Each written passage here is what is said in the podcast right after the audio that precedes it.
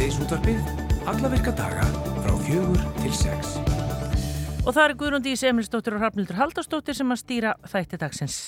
Það er brjálað að gera í desember, allir á kafi jólaundibúningi og síðan þegar að jólinn koma þá viljum við öll hafa það sem hugulegast og slaka á. En hvað er gott að hafa í huga áður þessi rólegu dag að skella á? Þurfum við að passa upp á börnin okkar, það er að setja þeim einhver mörg eða eigum við að leifa þeim að vafra um internetið að vild spilismarka tölvuleikjóðu vilja og vera endalust lengi á samfélagsmiðlum.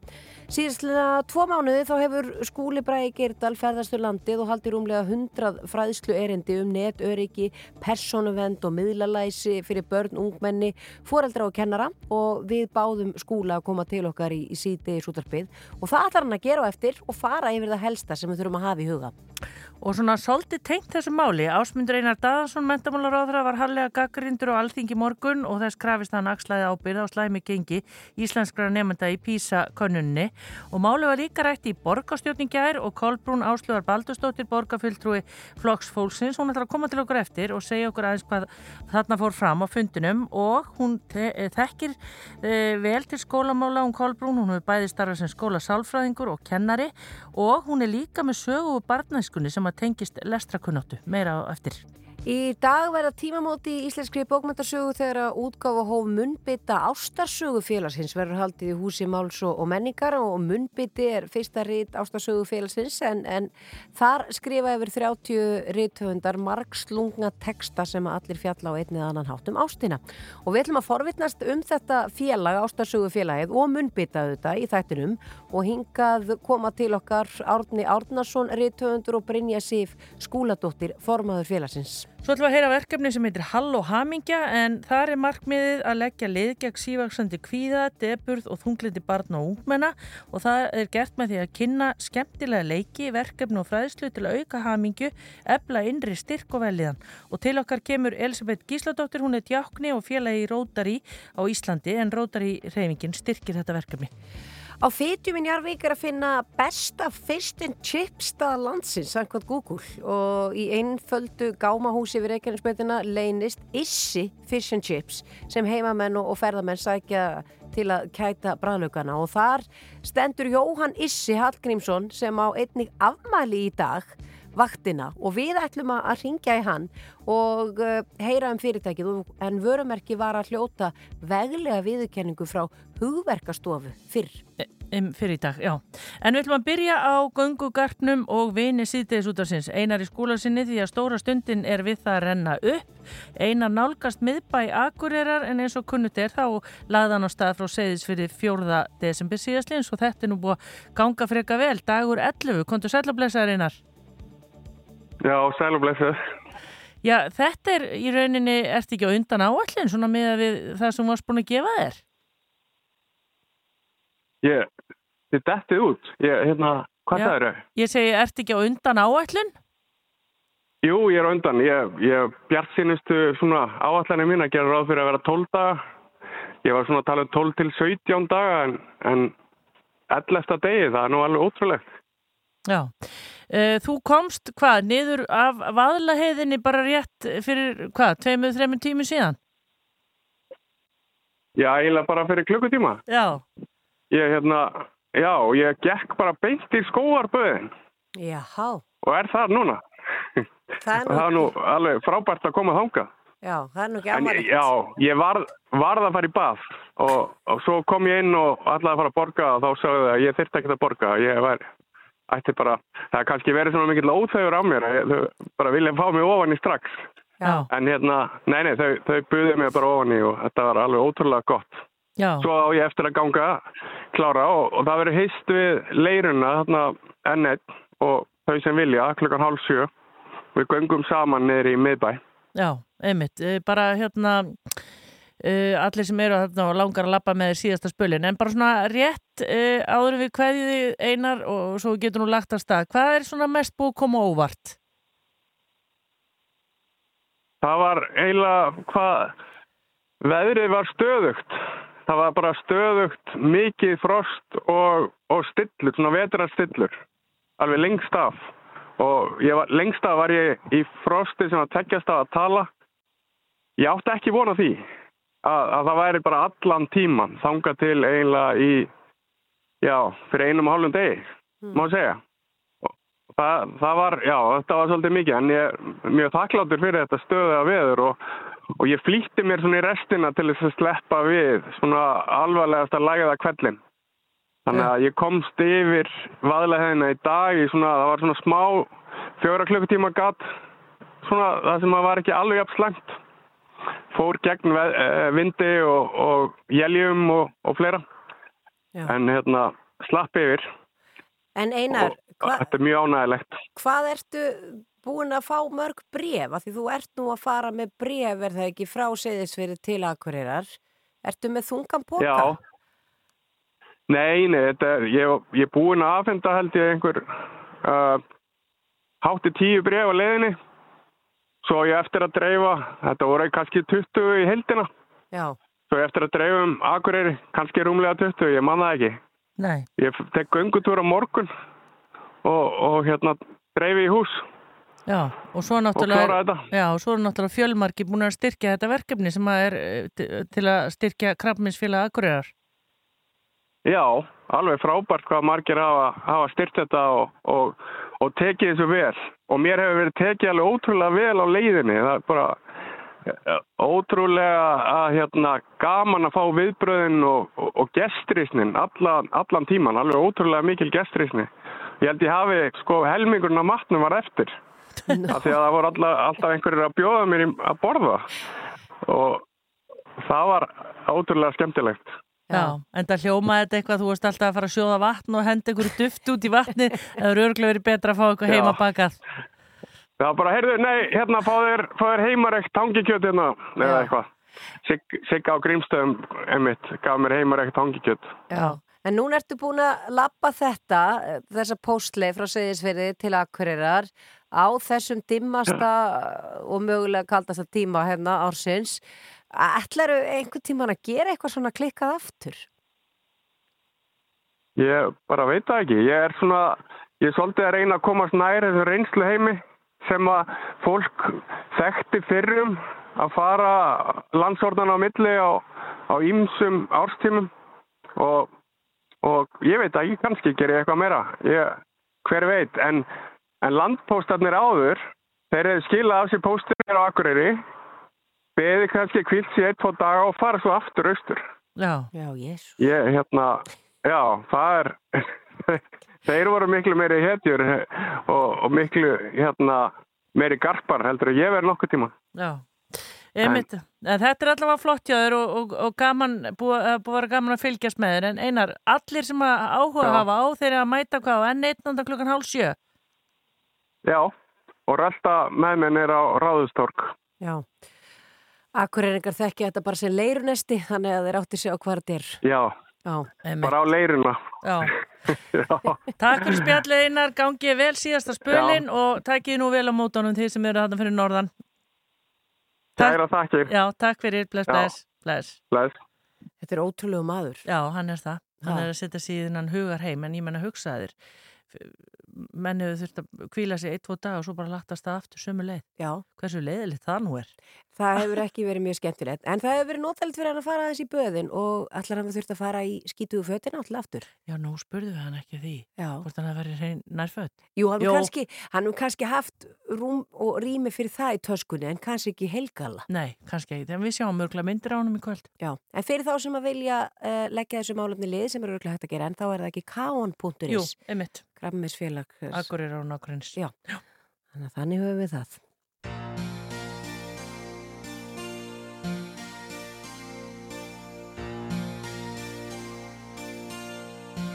Ég trúi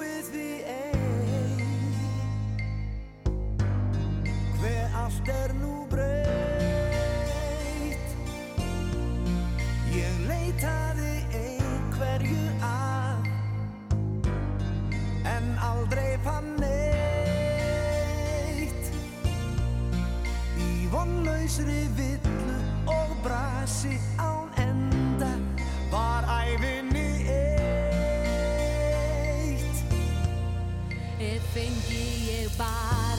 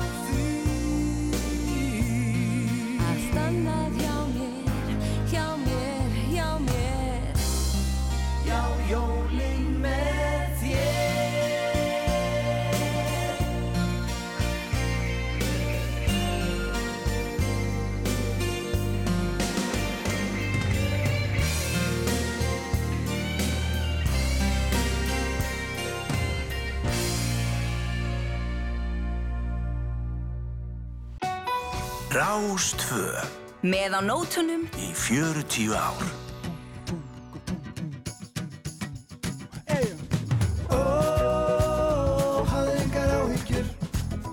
Lífið það er sem það er. Fer sem það fer. Ó, hafðu engar áhyggjur. Þú hefur ekkert val. Um það sem koma skal. Við kjöklum og grátum og vælum og volum Með kvíð og ángist af komandi sorg Og þú veist ekki neitt hvað verður á morgun Óskrifa blað Og ef börnin í þig ónótum hreit og að þið sækir langtíma þreit og þig fer að langa fá þér í feita hvað er nú það?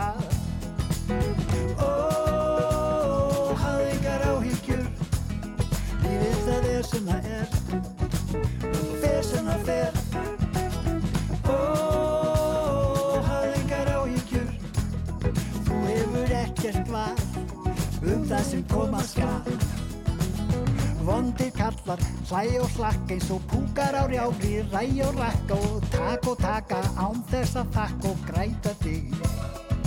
Og þeir haga til sumir alveg svo dónar, snúa þér nýður og nýða þér skóna, rekja og svekja og kalla þig róna, halda mig sig.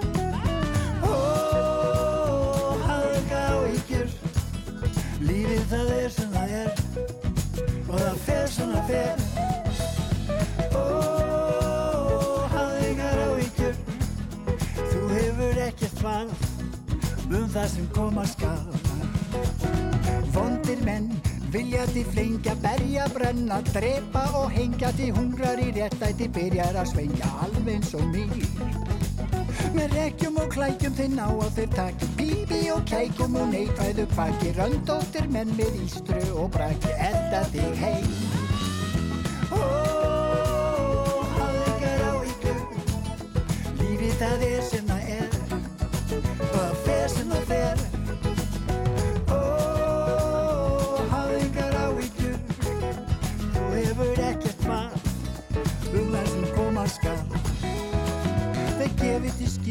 stendur á sama skikja á sólina Öllum til ama skilja okkur Eftir arga og grama Við rekum til sjós. En heimur er vondur og skilningsljór Og sjóvarpi býður með ískaldan bjór Og gleipir öll vandamál lítil og stór Draumur í dós. Ó, hafðu engar áhyggjur Lífið það er sem það er. Fer sem það fer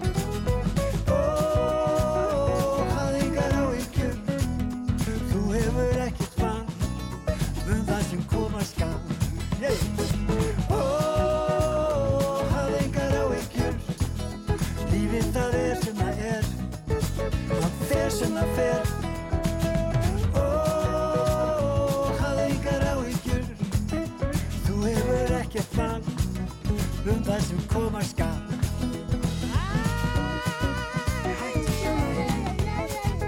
Hættu þessu væli Hættu þessu væli Hættu þessu væli Hættu þessu væli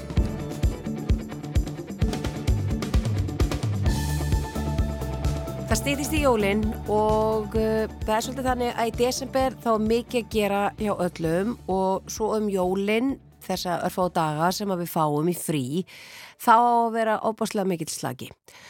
Og við fórum að veltaði fyrir okkur hvort að slagin geti orðið ofmikill kannski hjá okkur fullunda fólkinu og við myndum sopna á verðinum og kannski ekki vera að skoða nógu mikið hvað börnin okkar er að gera á internetinu.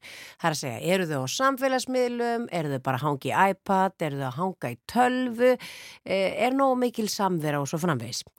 Þannig að við ákvaðum að hóa í vinn þáttarins, hann heitir Skúli Bræði Geirdal og er verkefnastjóri miðlalæsis hjá fjölmiðlanemnd og hann hefur nú komið til okkar áður, kontur sælur blæsaður. Takk fyrir það. Ég, þú til að mynda skrifaði grein sem að byrtist á vísi fyrir mánuðinum þar sem að yfirskiptu var þú ert ekki leiðilegt foreldri.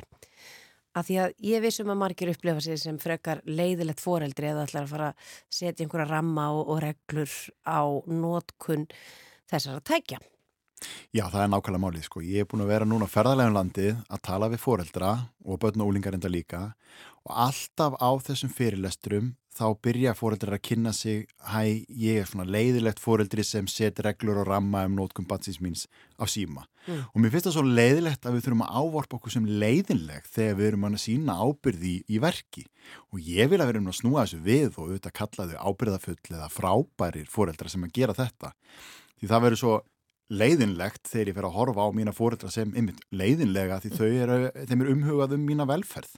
Þannig að ég held að það sé góð áminning fyrir okkur að auðvitað er ekkit rétt að við sem búin að skilgrina vinsæla fóreldri sem setur engin mörg og leifir allt og af hverju á ég að hlusta á slikt fóreldri þegar það fyrir svo allt í hún að setja með mörg.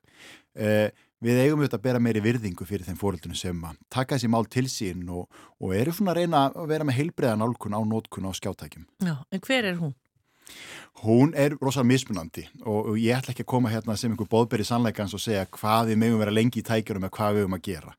E, tíma lengdin er eitt en við mögum líka í hvað erum við að gera í tækjunum.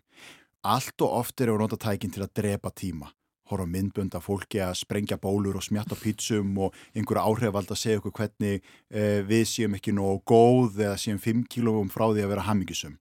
Við hefum meira að nýta þetta okkur í hag, læra nýja hluti, skapa, hlusta, lesa uh, og finna svolítið hvernig græðum við á tækinu. Uh, öppin og tækin hafa allt og mikla stjórn á okkur, þau leggja leikareglunar, taka valdi frá okkur, leið okkur áfram. Við hefum svolítið að horfa á þetta, Býtu, hvað er ég að fá út úr þessari nótkunn, hvernig græði ég á þessu? En eins og við vorum að hugsa þetta, skúli, að núna í desember, ég vissum að það er rosalega freistandi og það verður alveg freistandi núna um jólinn og um einmitt líka núna bara þessa daga þeir eru svona mikið að gera hjá foreldrum og, og fólki almennt og margir að vinna og svo framvegis. Það verður rosalega auðvelt að láta þessi tæki passa svolítið krakkara þannig að allir náðu pínu slaka og er maður þá orðin vondforeldri? Ó, nei, við verum að passa okkur á þessu líka að, að vera ekki að skammast út í okkur eða finnast við vera að klúðra málunum þó að stöku sinnum að við sem að kaupa okkur smá tíma. Það er jólastress og mikið að gera og fullt í gangi og ég ætla ekki að mæta hérna sem rosa heilagur og segja að ég sé alltaf með allt pottjætt. En ég reynir svona að gera aðeins betur og ég reynir til þess að passa mig á því að kaupa mér sjálfum ekki skjáttíma með því að láta batni mitt fá skjáttíma sem dæmi. Hugsum aðeins, hvenar eru við að láta börnin hafa iPadin til þess að þakka neyðið þeim? Stundum er staður og stund og við erum ekki vond fyrir því en eh, reynum að takmarka það, draga aðeins úr því. Því að þetta býr líka til svo mikla þreitu hjá okkur líka þegar við sjálfur erum alltaf í tækjónum. Við vinnum í tölvum, erum með síman á okkur, hann vekur okkur á mótnana og heldur okkur frá því að fara að sofa á kvöldin og við erum bara orðin svo þreytt að þá er erfitt með að meðtaka það að fara að hlusta á fréttir eða fræðslu eða gera nokkuð skapaðan hlut. Við förum að velja aðþreyingar efni á Netflix umfram kvöldfréttir, kveik og kastljós eh, að við bara við ráðum ekki meira. Þreytan okkar verður til þess að við þurfum að fara að kaupa okkur frið með skjáttíma og við lendum í einhverju vítaring. Mm. En hvað með efnið sem að þau eru að horfa á svona? Getur við sem fóreldrar eða forðamenn einhvern veginn skipta okkur ennþá betur að því? Hvað þau eru að horfa á? Ég myndi fyrst og fremst horfi að við þurfum að virða aldursmerkingar. Allt og algengt er að við gerum það ekki. Uh, hafi í huga að þó að samfélagsmiðlarnir er ákveða 13 ára sér viðegandi aldur og þá sem að fullorðan á netinu, þá veitum við bara betur en svo að 13 ára börn er ekki fullorðin. Það er rosalega mikið skekkja í því að þegar ég kaupi síma sem fullorðin, fæ ég sama tæki hendurnar og þegar ég er að kaupa síma handa barninu mínu. Mm -hmm. uh, það er sett í mínar hendur að setja upp varnarveggi, öryggi stillingar og við getum ímyndað okkur, við erum að fara að kaupa hjól og það er enga bremsur endurskismerki, það er ekki seltu hjálmur með, engin hjálpa dekk, það er þetta gengur ekki fyrir bat sem kann ekki hjóla. Það er líka svolítið skekki því, auðvitað eiga bara þessi varnaveggir að velli staðar og svo þarf ég að sína fram á það að ég er fullorðin, hef reynslu til að takast á þetta tæki og þá fell ég það niður. Þetta finnst mér vond og ágætt að hafa í huga fyrir einmitt ömur og afa og, og foreldra og jólasveina sem eru að hugsa um að gefa sér tæki í gafir. Já, en, en, en sko skuli, mér langar bara að spyrja einu, fyrir þá sem eru að hlusta núna og eru að hugsa, ok, þetta er ekki, ég er, þetta er ekki búið tíu hjá mér, barnið mitt er bara með iPadin eða síman og ég er ekki með neinar varnir, ég kann ekki að gera þetta. Því að það verður bara viðkennast að fullta fólki er bara logandi hrætt við að fara inn í stillingar á einhverju svona tækjum. Er eitthvað, eitthvað eitt einfalt app eða forrið eða eitthvað sem við getum farið inn í eða hvar á að fara í settings í símanum eða eitthvað til þess að hafa pínu þannig að maður geti skoðað hvað var barnið mitt að skoða og svo líka ég vil stilla skjáttíman eða hvað, kannski bara drepa á sér tæki þegar það búið að vera ákveð lengi eða að það fari ekki inn á eitthvað bannað Hver, hvert er einfaldast að finna leiðbynningar að þessu? Því miður er ekkert fullkominn löst til en við getum byrjað að nota eins og family link og family sharing hjá Apple og Google til þess að stilla þennan skjáttíma hvaða þau geta sótt og svo framvegis það eru fyrstu hjálpadekkin sem við setjum Family link? Já, Já. síðan getum við sett svona vefsíur til þess að blokka út ákveðnar vefsíður í tækjónum það væri, þú veist, hjálmurinn eða öryggispelti sem við setjum á börnun okkar. Síðan er að vera með þeim í tækinu. Hvað eru þau að skoða ekki láta það vera eftirlitslausin á miðlum eins og YouTube eða TikTok sem við lendum á efni fyrir sem er bannað 16 og 18 ára allstaðar annar staðar mm -hmm. hvernig eru þeir að tala? Strákar horfa mikið á myndbönd of tölvuleikjum það sem er verið að spila tölvuleikin fullóti menn að tala alveg ofbóslega illa saman þar en við kannski heyrum það ekki því þeir eru með heyrnatóla höfðun og eru að skoða þetta í, í iPadinu sínum. Þannig að við þurfum bæða að vera með um hvaða efni þau eru að skoða og að þau geti leita til okkar þau eru lenda á þessum veggjum þó við séum 13 ára. Mm. Ef þau eru yngri að við séum, já, búum okkur til líka bara svona samveruð þarna, spilum tölvuleiki með þeim um jólinn og jólinn er líka frábær tími til þess að finna aðra hluti til þess að gera heldur en að vera í skjám. Við getum spilað og bakað og verið í leikjum og alls konar byrjum að byggja þetta í jólafríinu í staðin fyrir að þurfa í januar svo að taka þetta með öllum hinum áramóta heitónum og alltaf sigra heimi þá í öllu. Það verður bara svo næsta megrun sem við gefumst upp um næstu helgi. Já. reynum að vera með svona heilbriða nálgun heilti yfir frekar. Og jáfnvel þetta bara kannski spólu í tæki þess að við myndum segja og horfa á eina goða jólamynd saman fjölskyldan. Já og ég hvet þá fólk til þess ef við ætlum að horfa á myndina saman ekki kiki síman að með við horfum á heila mynd saman. Já. ég finn hjá mér sjálfum það leita mér hugsanir á ég að þykjast fara á klósti núna til þess að svara skilabóðunum og svindla á sjöra barninu sem eru að horfa með mér í Þau jólumyndina. vera svo sár. Ég veit það og við eigum auðvitað ekki að vera svona. Við auðvitað getum við að horta þennan mynd saman sem fjölskyldu í jólin. Já, já, sammála og við erum ekki leðileg. Við erum ekki leiðileg, við erum frábær. Já, Skúli Bræði Geirdal, verkefnastjóri, miðlalæsis hjá fjölmjölanum, takk fyrir að koma og peppa okkur öllu upp fyrir jólin og gleðilega hátíð.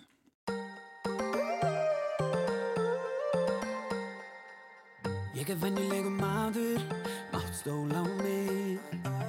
Sami staður, sami matur, sama jólamynd. Og ég skil þú byrk eitthvað framand og nýtt. Sorry en þannig eru bara ekki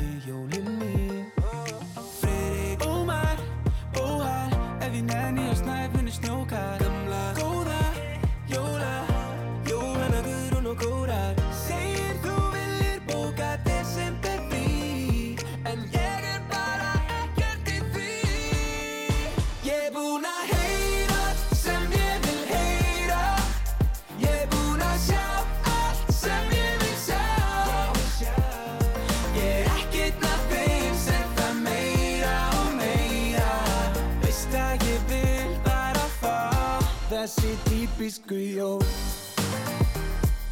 Yeah, yeah, yeah, yeah. Oh, Bara þessi típisku jól Ég hengi upp gömlu rauðu serjurnar Vil bara gildum að kynnt og spytana yeah, yeah. Skóin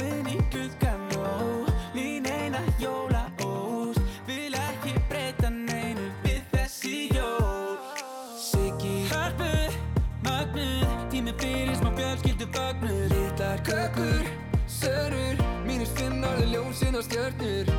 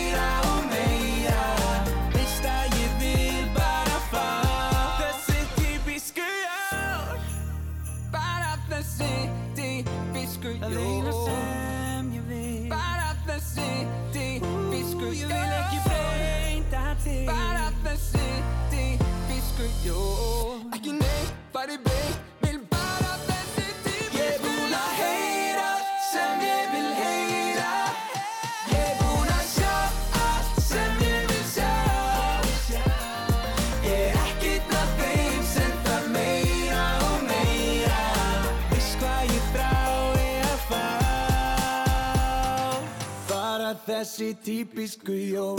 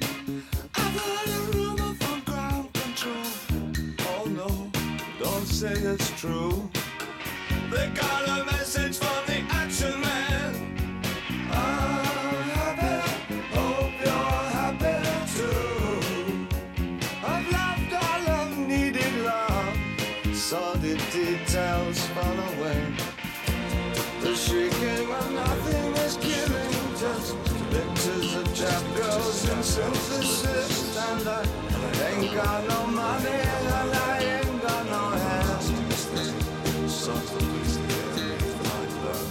But I'm hoping to kick back the planet is glowing, glowing, glowing, glowing. As Ashes to ash and funk to funky. We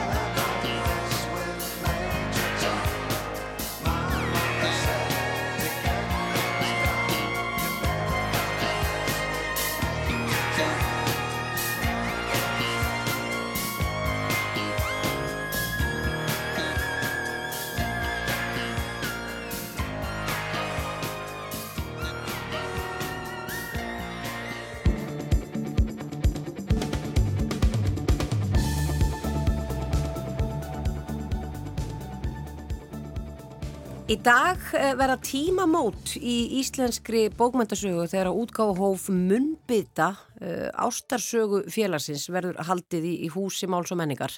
Og Munnbytti er fyrsta rít þessa félags sem að heitir þessu flotta nafni ástarsögu félagið, Hrafnildur, mér finnst þetta spennandi. Já, fyrst, fyrst held þetta að vera ásatrúa félagið, þetta er ástarsögu félagið. Já, og þetta rít, uh, Munnbytti, uh, er skrifað af 30 rítöfundum og við erum komið með fólk sem veit miklu meira um þetta ynga til okkar og það er Átni Átnason sem er rítöfundur og Brynja Sif Skúladóttir sem er formaður þessa félags. Komið sæl. Sæl. Sæl. Eigum að byrja á að fá skýringu á ástarsögu félaginu, mér finnst þetta eitthvað svo rómó.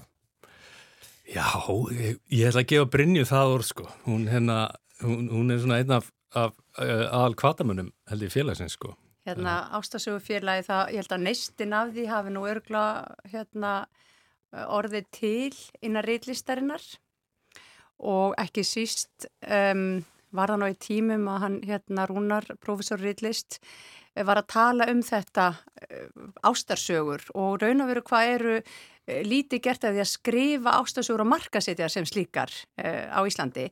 Og síðan þegar að hérna síðasta vor þá komum við nokkur saman og, og ákveðum það þarf að stopna félag í kringum þessa hugmynd. Ef okkur langa til þess að gefa út ástarsögur sem að eiga að vera fjölbreyttar, kraftmiklar, skemmtilegar, þá þurfum við að gera eitthvað í því. Þannig að við hérna auglistum bara og meðal okkar félaga og reytöfunda hver vil vera með og svo stopnum við félagið í júni og í raun og veru er þetta, ég myndi segja þetta er svona ástarkraftarverk því að hérna, það eru 37 stopnmeðlimir og við erum búin að stopna bókaútgáfu því þess þarf við ætlar að gefa út bók og svo höfum við staðið saman að því að hérna sapna efni og, og uh, skrifa þessa bók Mm. sem er alveg einstakt. 30 höfundar og, og hérna sem er, þannig að, þannig að sko tilgangun er svolítið að lifta ástasögunni upp á einhvern þann stall sem að okkur finnst hún eiga skili sko. En hvað er ástasaga? Er hún bara um ást? Er þetta bara saga af ást? Eða er hún um eitthvað annað og svo kemur ástin inn í? Ég held að ást, uh, sko, ástarsaga getur bara verið um svo margt en auðvita er einhver þráður í henni, einhver kjarni, einhver kveikja sem kemur frá ástinni og þannig skilgreinum við það en þær geta verið, þær geta verið fyndnar, þær geta verið sorglegar, hrikarlegar en oft er þær þannig að þær íta í eitthvað inn í okkar hjarta, inn í okkar tilfinningarlífi. Já. Og kannski ást, ástarsaga hefur verið tengt svolítið við kannski einhverju svona bókmyndir sem eru svona væmnar eða, eða eitthvað þannig.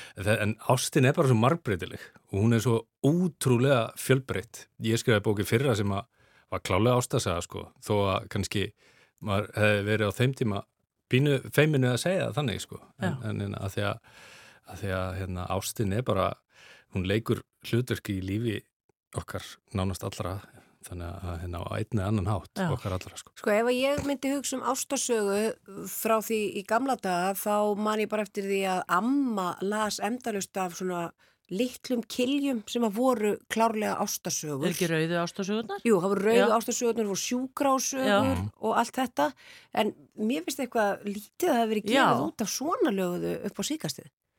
Þeir voru að hætta, er það ekki rétt? Jú, það voru hætta. Það voru þetta, já. En, en hva, ég menna, er búið að vera mikil útgafa af í, þessum flokki, ástasögum? Ég held að, að náttúrulega rauða serían og hún, hún er náttúrulega búin að vera mjög lengi þó svo ég ekki sérfræðingur henni. En okkar markmið var náttúrulega hún átti sinn markhóp og, og uh, öll, allar ástasögur sem eru lesnar er á hennu góða því það er íta alltaf einhverja tilfinningar sem að við sem félag viljum setja aðtegli á. En okkar markmið er líka að skrifa texta sem að eru kannski bókmentalegri, meira krefjandi og, og eru til þess fallnir að, að líka hinn uh, kröfuharði lesandi segir, já þetta langar maður að lesa og það leina svo víða ástasögur þó að þær sé ekki kannski auglista sem slíkar. Já. Ég menna, þær eru, þær eru sá kraftur sem drífur svo margar sögur áfram. Ta taktu bara glæpasögunar, margar sko og, og s- skoða ástina í þeim sko. Já, þannig að þið viljið í rauninni að ástasagan fái bara svona sess eins og við myndum segja glæpasaga, skáldsaga, ástasaga. Já, einmitt. Mér finnst fínt ef að, ef að þegar maður er að tala við fólk sem að kannski hérna, er að tala um íslenska bókmyndir, jafnvel erle, fólk erlendis frá, að það þyrft að velja á milli að segja býtu, já, þeir eru svo, þeir eru svo þekkt fyrir glæpasöguna, að það gæti hugsan líka að já, þeir eru svo þekkt fyrir ástasöguna. Ú, já. Og já, og ég held, ég held sko, út af þessi bókar að koma út, mun, munbytti, að, hérna, sem, sem við gefum út, að það er ágættis innlit inn í þetta sem við erum að tala um með fjölbreytnina, það eru 30 sögur og ljóð, gríðalega fjölbreytt, mjög ólíkar sögur og allt frá því að vera bara mjög romantískar yfir það að vera eitthvað allt annað. Og hérna allt ástasögur samt. Og hérna þannig að ég skor á alla að, að tjekk, tjekk á því vegna þess að það, það er svona ágætis það, það svona byggir ágætlu undir hérna, þetta sem við erum að segja að ástasögur geta verið alls konar. Einmitt og það er líka þetta sem að mér er svo mikilvægt í þessu öllu að þessar sögur sem eru, þetta eru heildan eitthvað yfir 30 sögur, þær eru og ljóðu náttúrulega líka og prósar og þetta er stutt, sem hvert og ein, ein er, texti er, er tiltölulega stuttur en hann er kraftmikill og það er, maður er eiginlega tekin inn í heima sem er eiginlega miklu stærri heldur en lengt textans sem er að lesa. Og það er líka svo spennandi, það er það sem að gerir þetta svo eh, hérna, skemmtilega lesningu og eitthvað sem er bara gaman, sumar er líka bara fyndnar og skemmtilegar og, og, og spennandi. Þannig að þetta er fjölbreytileikin það er algjörlega, það er ást og svo er það fjölbreytileikin Já. Og þið ætlaði að fagna útgáfunu núna bara eftir nokkra myndur? Já, Er við erum, við erum alveg bara, við erum í hjarslátt og Já, já. erum bara eh, hérna, róðunum og erum hjarslátt. Og hver, hvert á fólk að koma sem að vill vera með? Og, Hús máls og menningar verðum þar milli 5 og 7 og hérna það verður upplestur og eitthvað og, og menn getur fengið árita bækur og alls konar og svo, svo er hægt að fá bækunar hjá Já. okkur og Já. í gömlu, Göm- já, gömlu gömlu bókabúðinni við hjartatorg. Ég meina, þetta er fullkomið, er það ekki? Jú. Að hérna fyrsta bók Ástarsögufélagsins fæst í gömlu bókabúðinni við hjartatorg. Já. Eins og þetta væru skáldsögu, er það ekki? Já, þetta er fallegt. Til hamingi með þetta góða skemmtu núna eftir við ætlum að fara að leipa ykkur út og við lögum til þess að fylgjast með ástarsögufélagin í framtíðinni. Takk fyrir komina. Kæra þakkir. Takk. Sleigh bells ring, are you listening? In the lane, snow is glistening. A beautiful sight, we're happy tonight. Walking in a winter wonderland. Gone away is the bluebird. Here to stay is a new bird. He sings a love song as we go along, walking in a winter wonderland. Can build a snowman. We'll pretend it here's Parson Brown. He'll say, Are you married? We'll say, No, man. But you can do the job while you're in town. Later on, we'll conspire as we dream by the fire to face unafraid the plans that we made walking in a winter wonderland. Ah, yeah, winter wonderland. Oh, yeah, winter wonderland.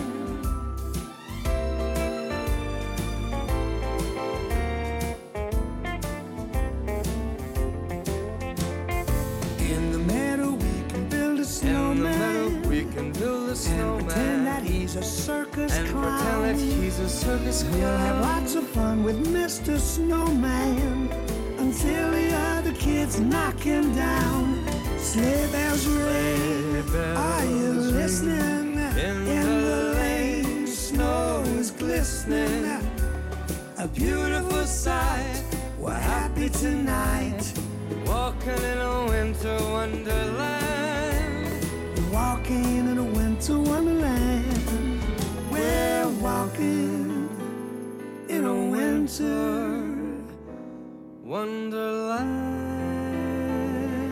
wonderland.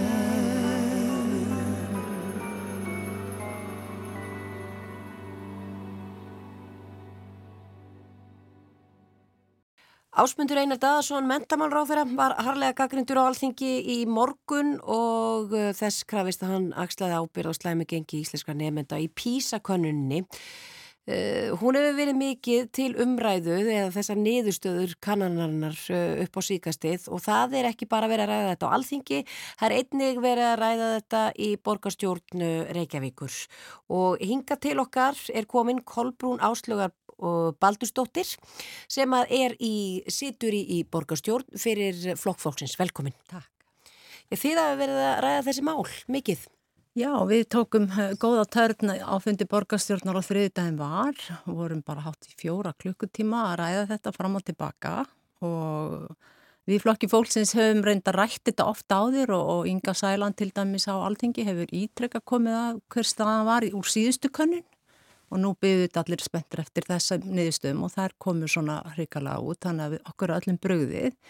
En það sem að ég er nú sálfræðingur og hef verið skólasálfræðingur í tíu ára á mínum ferli og hérna er líka kennari þannig að ég, ég hef látið með þessi mál mjög mikið varða. Og það sem að ég lagði áherslu á í minni ræðu uh, á fundunum var að ég vil að það verði tekin svona pólitísk ákvöðunum uh, hvernig við ætlum að gera þetta. Eins og bara búið að gera í Vestmanni með kveikjum neistan, við stu vanta þessa samstöðu og svona þessi skilabóð og kannski aðeins meira þess, þetta miðlag og svona miðlag stýring til skólana sem síðan þá geta eitthvað útferta í framhaldinu en það þarf að koma einhver ákvörðin. Það þarf að vera mælingar og bara þessi samstaða sem vantar algjörlega í Reykjavík. Það er svona hver og einn að gera bara eitthvað í sín skóla. Það er blanda af svona aðferðum sem að ég, ég fengi bara sör við mínu fyrirspurnum þannig að ég veit þetta. Þannig, en síðan er annað sem ég vil sérstaklega leggja á og það vil ég aðeins tengja bara svolítið sjálfur í mér því að ofta maður hugsa um sína eigin bensku og hvernig þetta var hjá manni sjálfum og það er kannski ekki allir sem vita það, kannski ekki allir foreldrar að lestur er náttúrulega lærð, eh, sko, lærðfærni. Og ef að sá sem er búin að, að læra að lesa, semst brjóta lestra kóðan og er farin að tengja og geta farið að mynda orð, ef að það barn e, fær ekki reglulega þjálfun og þá er ég bara að tala um daglega þjálfun, daglegar æfingar, lestraæfingar, að þá mun einfalla viðkomandi barn ekki verða læst, ekki þannig að þið geti lesið til gags. Og ég, þegar ég fór að hugsa um þetta hjá mér í minna æsku að þá fór ég að rifja þau upp. Ég var reynda svona sjálfvala barn, mamma og pappa voru skilin og stór barnahópur og, og ég var svona, fór bara mínar ferðir strax svona 5-6 ára um Östubæin. En fór reyndar í tímakenslu og lærði strax þess að tækni. Var bara mjög fljóta að læra að lesa. Já og ég mana í tímakenslina því ég kunni að lesa að þá syndan mér lítið kennarin því að hann vissi ég kunni að lesa og ég var svona pínað þykjast ekki kunni að lesa og svo hann kæmi ofta til mín. En síðan var bara enginn til að láta mig lesa í framhaldinu því að mamma var að vinna töfald að vinnu og amma vann sem saumakonna heima og sauma og saumaði allan daginn. Þannig að það gerðist að ég kunni að lesa og fekk mikið hrós fyrir það En síðan var bara ekkert meira lesið. En ég fór í svona besta bekkin í meðlaskóla, það var doldið rafað í bekki þá, hvort að barn kunna lesa. Og það liði tvö ár í þessum bekk, undir lók, svona, já, þegar ég, er búin að vera þarna í, í setna árið, þá var ég hægt að geta fylgst með og ég var hægt að geta fylgt og ég satt reynda líka fyrir aftalega sem hjálpaði ekki. En það áttaði sig engin á því að ég var ekki lengur læs. Ég var ekki lengur, ég, ég, las ekki neitt, ég var bara að lega mér, það ég var bara engin að fylgjast með því hvort að barni væri búið að lesa, engin að láta mig lesa eins og við tölum um í dag, láta börnin lesa. Þannig að ég þurfti að fara heila úr þessum bekk, ekki vegna þess að einhvers fattaði hvað var málið, heldur mér leið bara orðið svo illa. Ég ja. satt hann bara og var út að akka og vissi ekki hvað var að skeið og þannig voru krakkarnir bara komin einhvern veginn fram úr mér og lengra og ég var ekki alveg að ná sem kennarinn var að tala um. Þannig að þú ert þá vantilega að tala um það, Kolbrún, sko að heima fyrir vantaði æfinguna. Í skólanum var eitthvað til staðar? Já, þá kemur náttúrulega bara að vera að fara í námsefni og Axel, kennarin hann í melaskóla, alveg frábær, hann fór svolítið rætt og skrifaði mikið á töfluna og ég var ekki að ná neinu og, hérna, og ég var ekki bara einhvern veginn að fylgja, fylgja sko í námsefninu og það var bara málið að ég var ekki látin lesa, ég fylgdi ekki þessum bara, þetta var sagt að börn ætti að læra heima og mamma spurði ofta, ertu búin að læra heima? Og ég sagði já, en ég var ekkert að lesa dagstælega.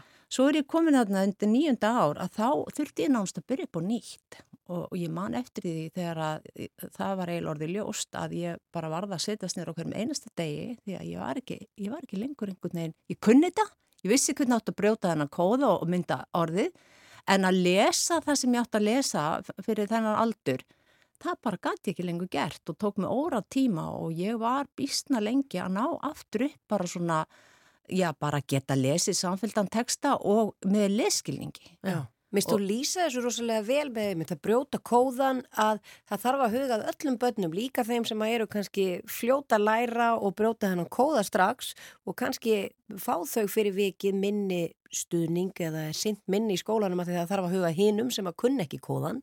Akkurat og þetta var nákvæmlega þannig. Ég er, er frekar og var alltaf síðan eftir þetta góði námsmaður og gekk vel en það var nefnilega engin að pæla í þessu vist að ég kunni að lesa. Og, og, þegar, og þarna var ég með þarna, bara svolítið sjálfvala og engin eitthvað neyn það var ekki þetta við hefðbunna heimili með mummu og pappa og mammu heima og svo var stundum þannig þá daga og ég, þetta, er svo, þetta er svo mikið áfall fyrir batn og, og þetta var svona, ég tapaði til dæmis bara út af þessu mjög miklu sjálfsturisti og það er einhverjum um að kenna, ég meina þarna voru aðstæður bara svona en ég var lengi einhvern veginn bæði að ná bara semst, að komast á flug með lesturinn og svo var ég þegar ég var án úlingur lasið mjög mikið því að þá var þetta allt komið og ég var alveg flug og ræð læs og las mikið úlingabókum en, en það satt í mér þetta svolítið niðurbróta því ég skildi ekki í rauninni, ég skildi þetta núna en ég skildi ekki þá hvað, hvað hefði gerst. Var ég svona vittlaus eða ég þurfti svona einhvern veginn að að skoða býtu hvað er með mig? Okkur, okkur varði ég einhvern veginn svona, okkur þurfti ég að fyrir annan bekk og, og eitthvað svona, þetta var niðurbrót og eiginlega svolítið svona sjálfsmatsbrót sem fylgdi mitt aldrei hérna fram eftir ja. En hvað er hægt að gera við þessu? Að því nú eru Aðstæður misjafnar. Aðstæður misjafnar og bakland barna misjamt, uh, vantarlega skólar og kennarar auk þess misjafnir og svo framvegis og svo ég tala nú ekki um það að, að þú ert líka með fjöldan allan af nemum sem að eiga foreldra sem er ekki með íslensku sem bara fyrsta tungumál upp á það að, sína börnum sínu stuðning og hlýða þeim yfir í lestri. Nefnilega og það er þetta sem ég var að ræða þarna í borgarstjórn að við þurfum fyrst og fannst að upplýsa foreldra um hversu mikilvægt það er að, og ég er að tala um á sumrin, það er ekkit frí á sumrin frá lestri þegar að barn er að, að æfa þessa færni. Það verður að lesa svo nokkur neginn eitthvað daglega annars bara rakar barninu og, og riðgar ef maður orða það þannig. Þannig að ef að það er ekki síðan aðstæður þá verður við sem, sko, og skólinn einhvern veginn og ég vil að við í borginni sem erum við stjórnvölinn þar, það er að segja þá meiri lutin en með aðstóð okkar í minni lutanum, hvetjum skólana, hjálpum til að það sé einhverju sem eru tilbúinir að, já það eru þetta til við að svona hjálpa börnunum að, að þau læri, semst klárið þá heima lærdómin ánum þau fara heim, ef aðstæður heima eru erfiðar og engin heima því að það er svo mikilvægt að við halda þessari tæknið þegar hún er komin til þess að batnið haldi áfram bara að þjálfast, ná upp smá hrað og fyrst og fremst að ná leskilningi og nú er náttúrulega leskilningurinn miklu, miklu og lang mikilvægastur umfram allan hraða. Já. Ég er til þess að móta þessum hraðaprófum, ég veist þau bara stressa, Einmitt. ég vil bara mæla leskilningin en þarna þurfum við öll að hjálpa stað, ba bara bæði skólasamfélagið og síðan að hvetja fóreldrarna og styðja fóreldrarna í að allavega upplýsa það verður þá hvort að am og afi getur komið inn eða skiljið með einhver fylgist með þess. Við berum öll ábyrð þarna. En viða eru lesömmur og afar sem að koma í skólana og aðstofa, þá eru það bara heldri borgarar já, mögulega já. sem koma og hjálpa öllum börnum og eru köllu lesa ömmur og afar. Ég veit þetta til. Alls konar úræði til, minn börn er að lesa fyrir hunda, ég með bara það að þau lesi reglulega allt árið um kring og, og það verði gert alveg fram eftir sko, grunnskólan þegar þau eru fullkálan komið með búin að tökum á færninu og leskilningi. Já, hér talar Kolbrún Áslöðar Baldurstóttir af mikillir einslu en talandu um börn, bara rétt ánum við hvaðið þig. Það er tillaga frá þér í borgarstjórn um að opna ráðusti betur fyrir börn. Já, ég var með þá tillöguð mitt líka og, um daginn og ég vil bara hafa svona opið hús og bjóða börnum, auðvitað ungum börnum í fyllt foreldra en, en það ólinga geta líka komið inn og, og skoða húsið, hitt okkur borgarfylltur og starfsfólk og við getum verið með svona stutta skemmtilega fræslusett, kannski skemmtilega búning og bjóða þeim upp á epplu og appelsínur eða eitthvað og líka bara ef það er ekki endilega borgarbúar, getur verið bara börn utan á landi Þannig að, að þetta sé líka bara ekkit flókið í vöfum því að hann auðvitað er svona skipulagning einhver en þetta getur við gert því að nú er ráðhúsið auðvitað með eitt fund fyrir börn á ári þar sem úlingar fá að koma sín mál en öðru leiti eru bara aðgengi barna ekkert beint aðra ásun. Þau eru ekkit sérstaklega bóðin velkomið þar finnst mér fyrir utan að eina borgastjórn og fund úlingarna á ári. Og hvernig var þessar til að þú tekið? Heyrðu þetta, þessu var bara ágætlega tekið, aldrei þessu vant, en hún var korki fældni vísa frá. Og ég, eins og ég segi, ég var alveg bara klökk af ánægi, en hérna þetta fer í skoðin og það verður spennandi að fylgjast með hvort þetta dægi uppi eða verði alvara úr þessu. Hljóma mjög vel, við fylgjast uh, spennt með því, uh, Kolbrún Áslögar Baldustóttir, takk fyrir að koma til okkar í sítegisupið.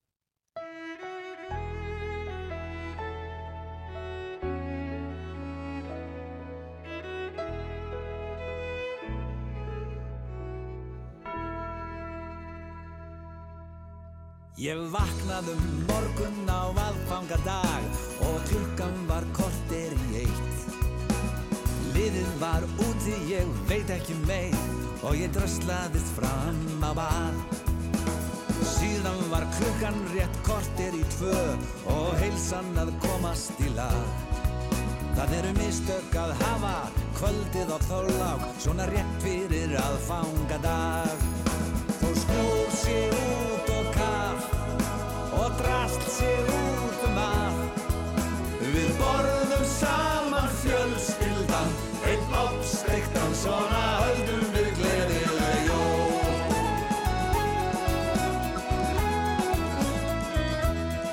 Þegar klukkan var rúmlega, kortir í þrjú, heyrðist hljóð út úr stofunni. Það var sömnal á detta, það var engin heima, ég var aðleikn í þögninni. Og klukkan hún gekk og hún gekk og hún gekk og hún gekk og hún gaf engum grið. Úti var kuldinn og snjórin og myrkrið af íslenskum jólasið. Það er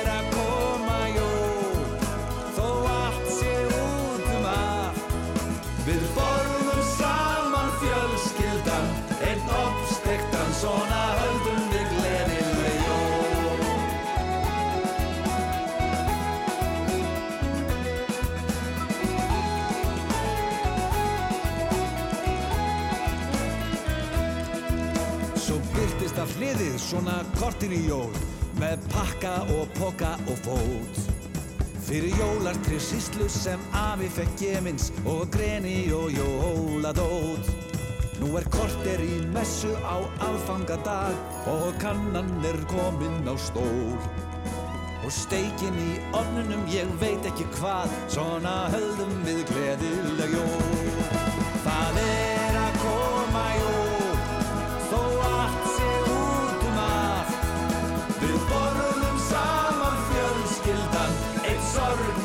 sorgmættan, svona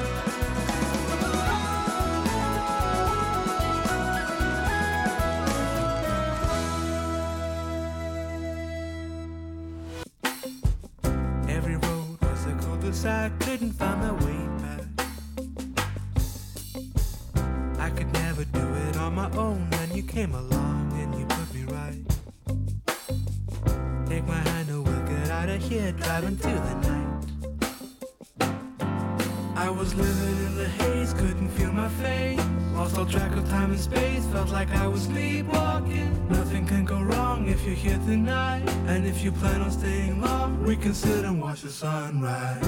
Early on, I almost broke it off, went back to my cynical ways.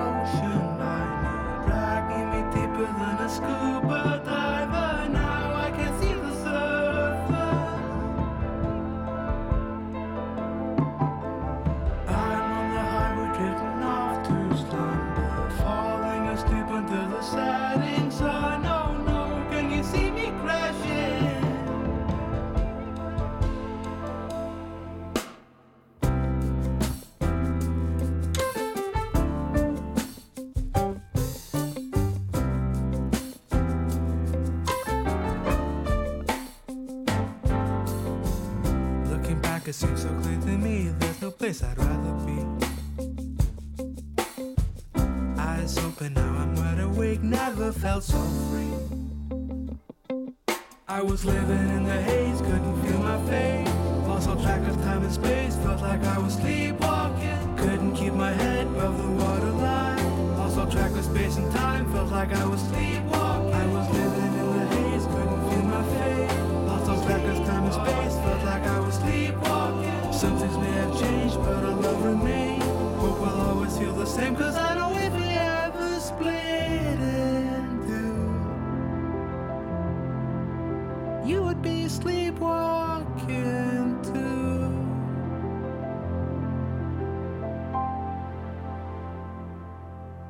Við ætlum að heyra næstu mínúturnar af verkefni sem heitir Halló Hamingja og uh, þetta er áhugavert kannski þegar við erum að tala um að, að við getum alltaf bætt við hamingjun okkar og þetta er sem sagt verkefni sem er, er eh, svona búið til í baráttu gegn þunglindi og kvíða barna og ungmenna og uh, svo sem að veit allt um þetta heitir Elisabeth Gísladóttir, hún er djákni og er meðlemur í Rótari klub Reykjavíkur í hvað, Grávós Grávói, Grávói, velkomin Já, takk fyrir. Já, segðu okkur frá, hva, hva, hvernig er þetta verkefni hugsað? Sko þetta verkefni er hugsað þetta að setja upp svona síðu sem er aðgengileg og opinn fyrir alla. Þar sem að foreldrar og fóra menn, barna og ungmenna geta haft aðgengi að uh, hugmyndum um uppbyggilegar stundir með börnunum, gæðastundir, þar sem að uh, grunnurinn er svona tilfinningaþjálfun. Já. Og þetta er hall og hamingja er náttúrulega svona það sem við náttúrulega kallum til þess að svona trekja að en haminguna þannig að rækta. Einmitt. alveg svo blóm og, eða, eða, eða við þurfum að rækta líka, líka mann þá þurfum við nefnilega líka að rækta haminguna hún, hún guðvar ekki á glöggan og þetta eru svona hvað, viltu, viltu svona flokka þetta undir? Þetta séu svona verkværi til að hjálpa okkur einhvern veginn að, að æfa okkur í Al, þessu? algjörlega og gefur hérna fóreldrum og fóramennum svona alls konar hugmyndir, veru eru flokkar, þetta eru tíu flokkar af tilfinninga þannig að það er þetta bæði að velja það, svo er þetta að fara bara í gegnum hvert leik fyrir sig, eins er þetta flokkað eftir aldri en í, en, en sagt, í hverjum leik þá er gefin hugmynd að samtalinu. Já. Bæði samtali, hvernig er þetta hefja samtalið, hver áhrifin eru sem, sem að barni þarf ekki endilega að vita því þetta er leikur í þeirra huga. Já. En hvað hérna, hvernig ætti maður að byrja? Getur við bara svona, ef við reynum að útskýra þetta fyrir fólki sem er að hlusta, svona ef þú væri bara settist niður með mér og ég væri barnið þitt og við myndum bara að byrja, hvernig myndur þú hugsa það? Já, það var nú kannski spurningum í hvernig, hérna, í hvernig hérna, ástandi barnið væri. Já, segjum bara til dæmis að ég vildi bara, ég væri bara með einhver svona smá enginni að ég væri þunglind eða svona eitthvað slíkt. Já, þá, þá hérna sko, um, þegar við erum að þjálfa hamingju, að þá hérna þurfum við alltaf að gera okkur grein fyrir því að við erum með alls konar tilfinningar. Og þá er hérna bæði leikir þarna, það getur verið reyði en sagt, þarna er til dæmis hérna teiknaður ísjaki þar sem er ísjakin er aðeins uppi og þú, barni getur mist stjórn á sér af því að, að því að það kann ekki að bregðast við þegar það verður reitt og það kannski veit ekki hvað, hvað er það sem gerist en undir niðri eru kannski alls konar tilfinningar eins og undir, undir ísjakanum. Það getur verið sorg, það getur verið vannmáttur, vonbreyði. Þannig að þetta er allt svona sem að þarf að bara... Þannig að þó við sjáum bara yfirborðið? Þó við sjáum, sjáum bara, bara yfirborðið sem er kannski reyðin, þá þurfum við kannski að setja staðins með batninu, horfi augun á því og leifa því að finna hvar það finnur fyrir reyðinni. Já. Finnur það fyrir höfðinu, finnur það fyrir í hjartanu og leifa því svona svolítið að greina það. Þannig að það líka átti sig á því að reyðin er ekki partur af því heldur er þetta tilfinning sem kemur og fer. Já. Og þá er, þá er einmitt svo gott að segja, já ég heyri hvað þú ert að segja og það er vond að láta sér líða svona. En í staðin fyrir það þú ætlar að brjóta allt á barma og kasta, þá er til dæmis þarna leikir sem eru tíu flokkar sem heitir Sprengjuvörnin. Eigum að kíkja á það? Já. Og segð okkur aðeins meira. E, Bara svona aðeins, já. já. Til dæmis ef, ef að þetta er hérna hérna bat sem er raun og veru ásuna svolítið erfitt með að stjórna reyðinni sinni, að þá myndum við fara yfir til dæmis þessa tíu uh, leiki sem er í sprengjuvörninni og batni myndir svona fara og velja sér hvað þeim þætti spennandi. Viltu fara í 50 stjórnuhopp? Eða viltu fara og finna þér ytta blíjant og gera hann mjög átkvassan og krassa alveg þang, menn passa samt að komast ekki í gegn Já, og ef þú fer í gegn þá verður það að gera aftur, ytta aftur og, og, og halda svona áfram Já. þannig indi í lokina þá verður þessi útræðs henni beinis henni beint í ákveðin, ákveðin farveg og þetta verður svolítið skemmtilegt Já.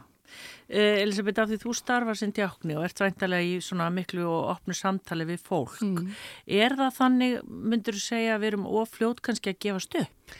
Já, við erum ofljót að gefast upp og svo segir ég það að það er allt í lagi að láta sér leiðast. Við sjúkdómsvæðum leiðan svolítið mikið og það er bara holdt að láta sér leiðast og til dæmis eru þarna leikir bæði það, það er sem sagt að hérna um sorg og leiða því við getum, barn getur upplifa sorg á margan hátt.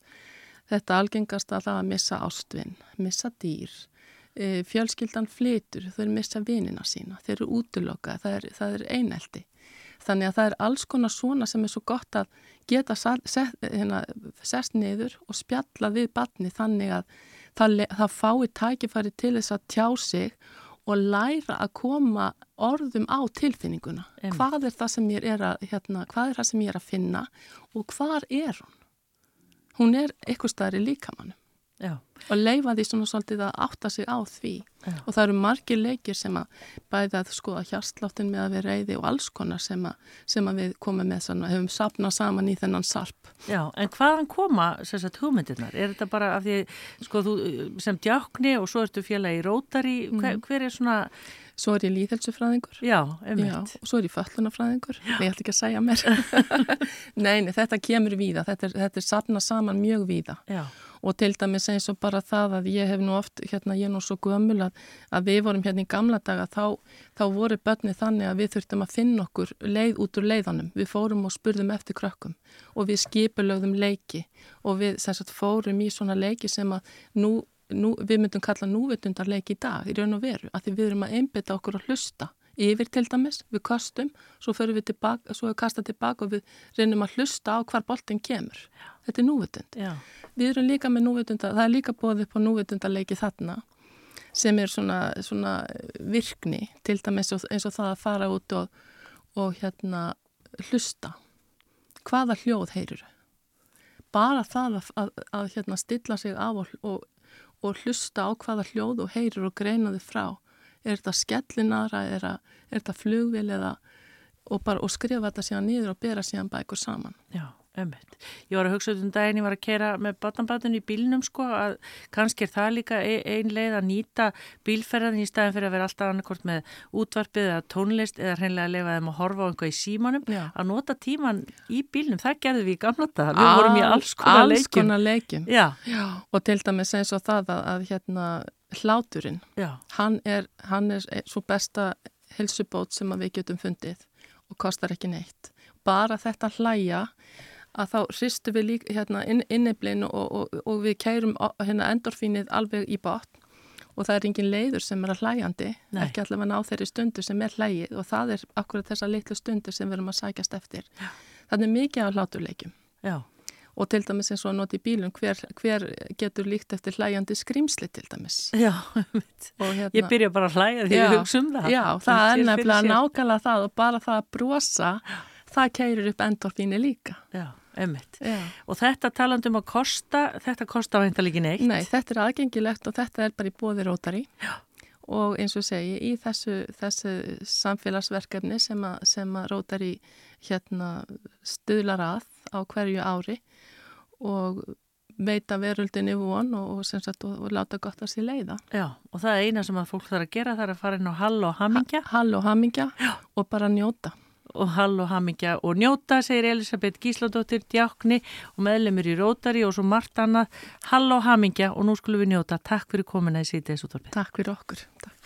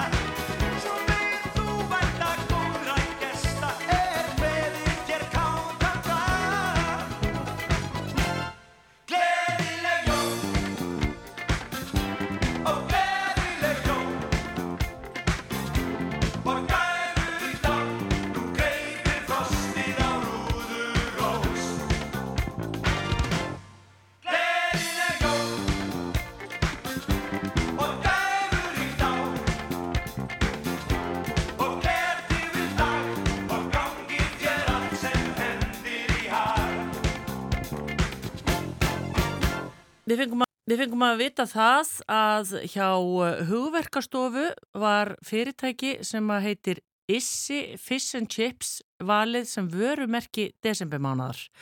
Og uh, þetta er sem sagt uh, Issi Fish and Chips, þetta er staðsett á Fitjum í Njarðvík og já, einhver segir að þetta sé besta Fish and Chips eða fiskur og franskar uh, bara á landinu. Og sá sem að allt veit um þetta, hann er í símanum og uh, hann heitir Jóhann Issi Hallgríms, Hallgrímsson, komdu sæl og blessaður. Sæl og blessið. Uh, þetta er svolítið gaman vegna þess að það er ekkit langt síðan að þú sóttir um hérna uh, til hugverkastofu.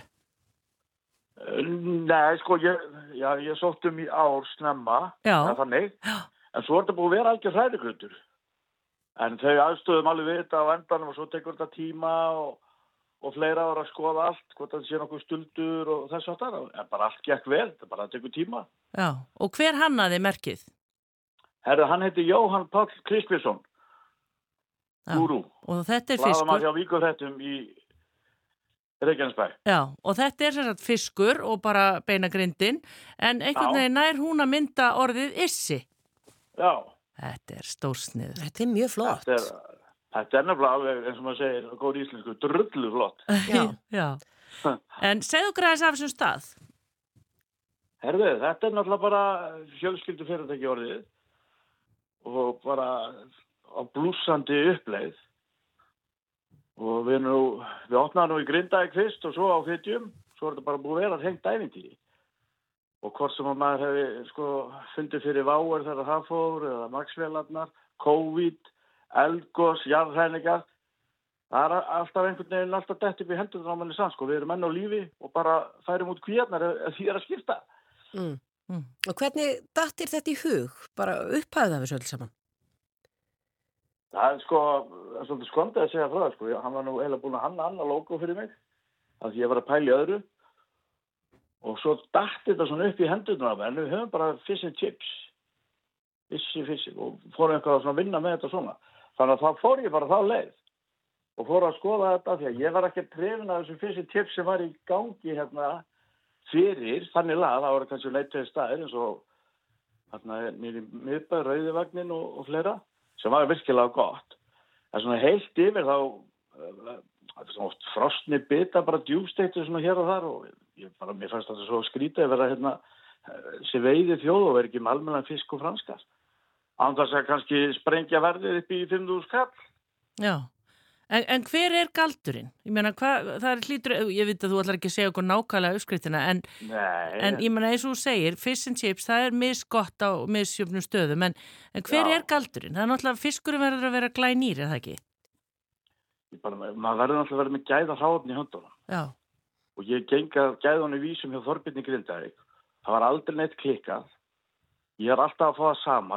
Þeir veit alveg mína kröfur ég veit alveg þeirra kröfur. Bara gæða standardin er þarna upp í, í rárið.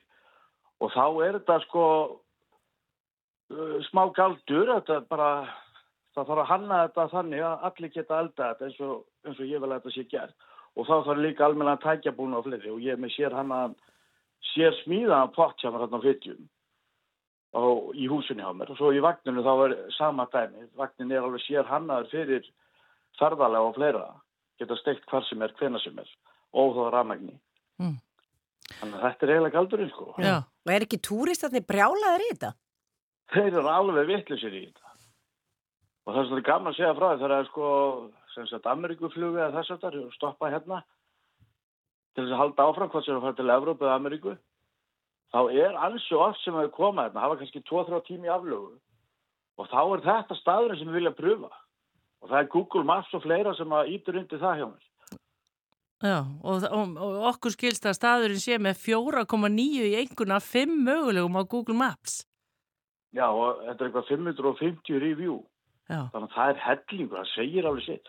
En þetta er líka sko uh, þetta er líka gaman. Og þú veist eins og þetta þegar reviewum koma og svona, það er svona peppar upp bæði í starfsfólki og okkur.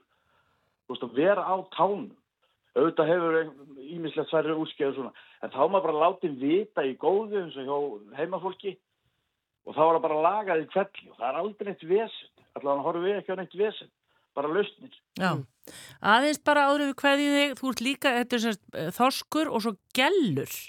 Já, Er það ekki? Er ég- það?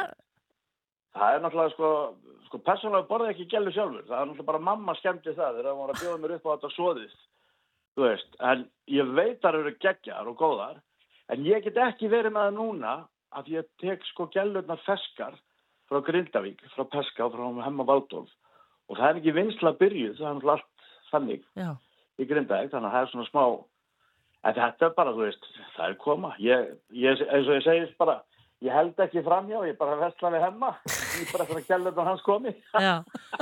En býtu, hvað er þetta að gera við þessa gælur? Hvað er þetta þær? Ég handur það bara alveg svo fiskin. Já. Bara af nattnum, þú veist, ef ég finn eitthvað að breyta, þá smita ég oljun í potinu og þá komið eins bræðallu og þú veist, þetta er svona viss kaldur. Já.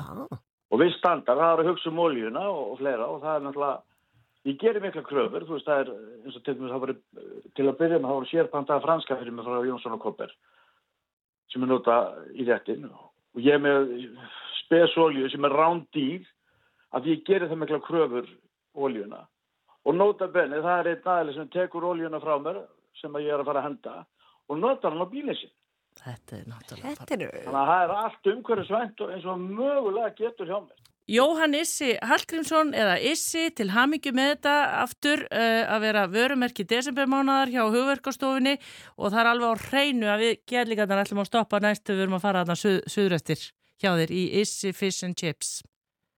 Er komið fagnandi, hlaka til. Takk fyrir spjallið, bless bless. Takk, takk, sömulegis Bless.